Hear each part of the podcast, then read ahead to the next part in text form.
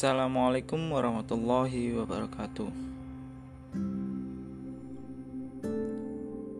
Nama saya Naufal Lizafanani dan hari ini akan membahas tentang era disrupsi.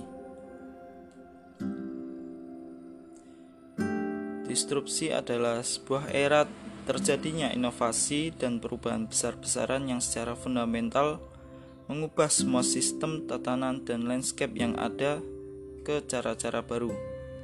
Akibatnya, pemain yang masih menggunakan cara dan sistem lama akan kalah bersaing.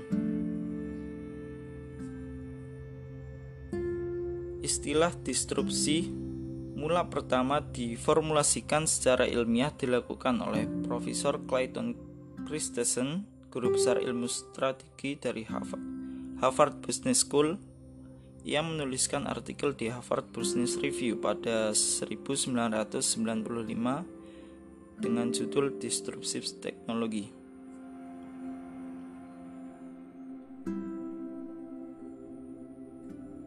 Tak bisa dipungkiri bahwa dunia sekarang berubah begitu cepat. Rentang antara sehari saja sudah terasa sangat jauh dikarenakan laju perkembangan teknologi dan kreasi manusia yang bisa menciptakan sebuah entitas baru setiap harinya.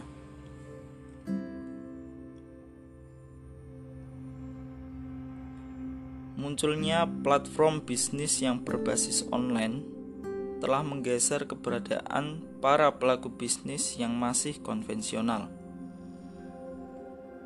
Jikalau dulunya kita sering naik angkot untuk bepergian ke suatu tempat, naik terminal satu ke lanjut ke terminal lain, Hal ini akan memakan waktu yang cukup lama dibandingkan dengan memesan taksi online ataupun ojek online yang hanya lewat aplikasi di telepon genggam. Secara praktis, tak akan memakan waktu lama dan secara ekonomis juga tidak terlalu mahal. Aktivitas dahulu yang sering kita lakukan dengan beberapa langkah kini bisa dibuat sesimpel mungkin dengan satu klik saja. Secara mendasar, bisnis terjadi karena adanya kebutuhan lain di antara produsen dan konsumen. Produsen bertujuan untuk mendapatkan keuntungan atau laba, sedangkan konsumen menginginkan barang atau jasa untuk memenuhi kebutuhannya. Bergesernya kondisi bisnis saat ini disebabkan oleh perkembangan teknologi dan situasi pasar yang selalu berubah-ubah. Inilah yang kemudian dikatakan oleh Ronald Kasali sebagai era disrupsi.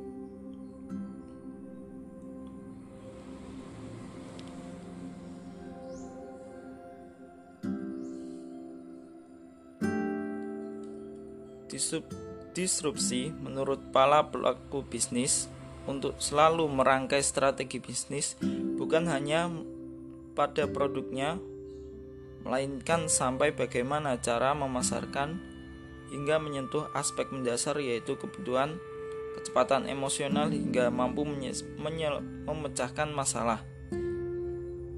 Jika tidak, maka tak tanggung-tanggung dampak dari pergeseran ini bisa menimpa siapa saja.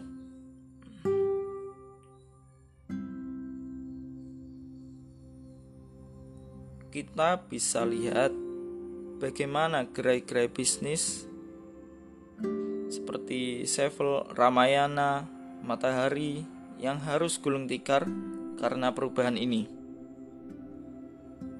Disrupsi bisa dikatakan sebagai lawan baru tak terlihat bagi para pelaku bisnis selain daripada kompetitor di segmen yang sama.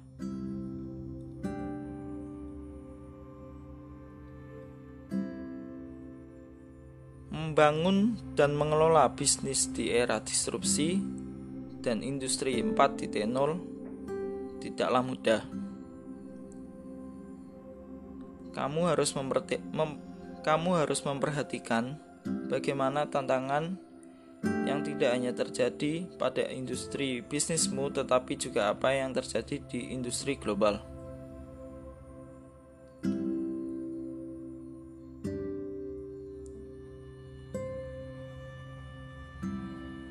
Kebangkitan ekonomi di Asia ekon Kebangkitan ekonomi di Asia, ekonomi hijau, pemanfaatan mesin yang menggantikan manusia, dan protek proteksionisme di Amerika Serikat. Selain itu, kamu juga harus memperhatikan tren leisure ekonomi, digital ekonomi, dan ekonomi kreatif yang menjadi tren industri saat ini.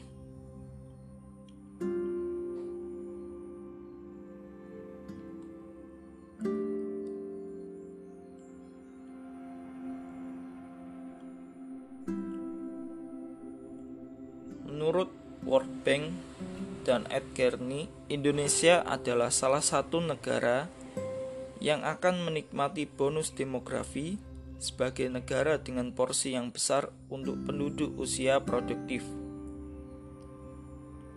Penduduk usia produktif tersebut sering disebut sebagai generasi milenial yang lahir antara tahun 1980 sampai 2000. Generasi ini menurut Goldman Sachs Global Generasi ini menurut Goldman Sachs Global Investment Research adalah generasi yang memiliki karakter berbeda dengan generasi sebelumnya. Salah satunya adalah kebiasaan mereka melakukan banyak hal melalui aplikasi yang ada di smartphone smartphone mereka.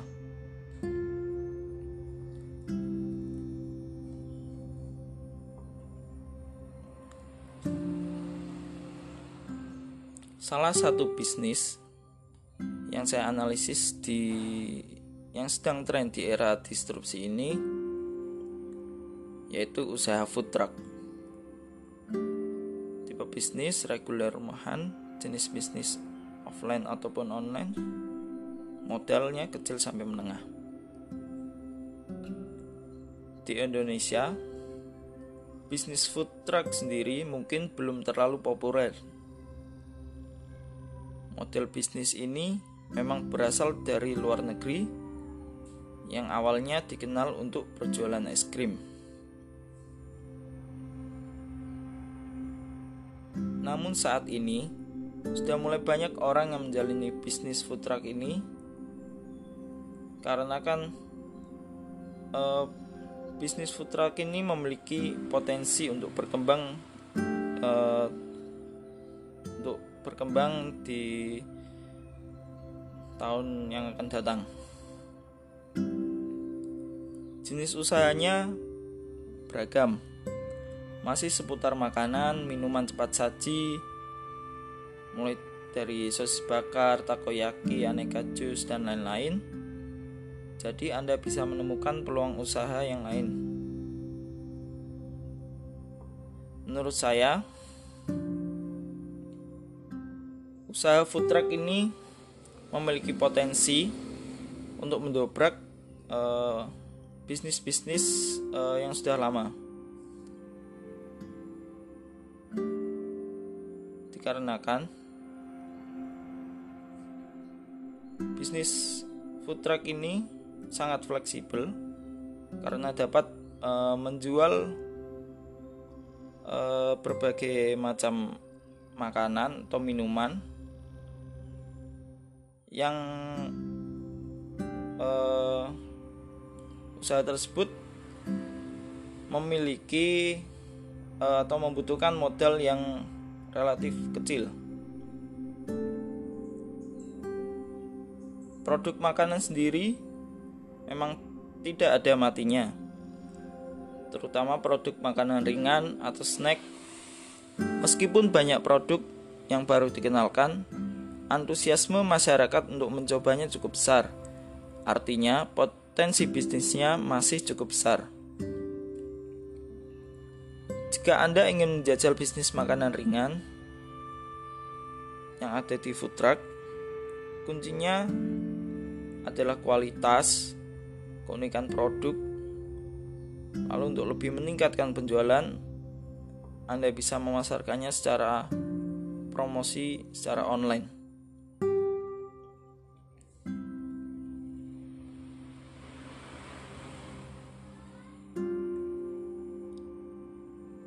Bisnis food truck sendiri uh, agar lebih dikenal masyarakat kita uh, harus mempromosikannya dengan baik agar menjadi bisnis yang tren di Indonesia. Karena memang usaha food truck ini sendiri uh, lebih fleksibel dan memiliki potensi untuk berkembang di kemudian hari.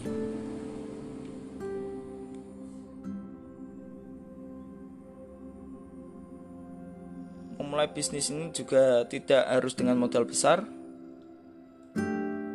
Promosi bisnis ini juga tidak memerlukan banyak dana. Bisa dilakukan melalui media sosial dan promosi dari mulut ke mulut. Dan kunci untuk sukses dalam menjalankan bisnis food truck ini keramahan pelayanan yang diberikan menjadi hal utama selain promosi untuk meningkatkan omset, kualitas rasa makanan yang lezat, dan keunikannya menjadi hal utama yang harus diperhatikan dalam bisnis makanan.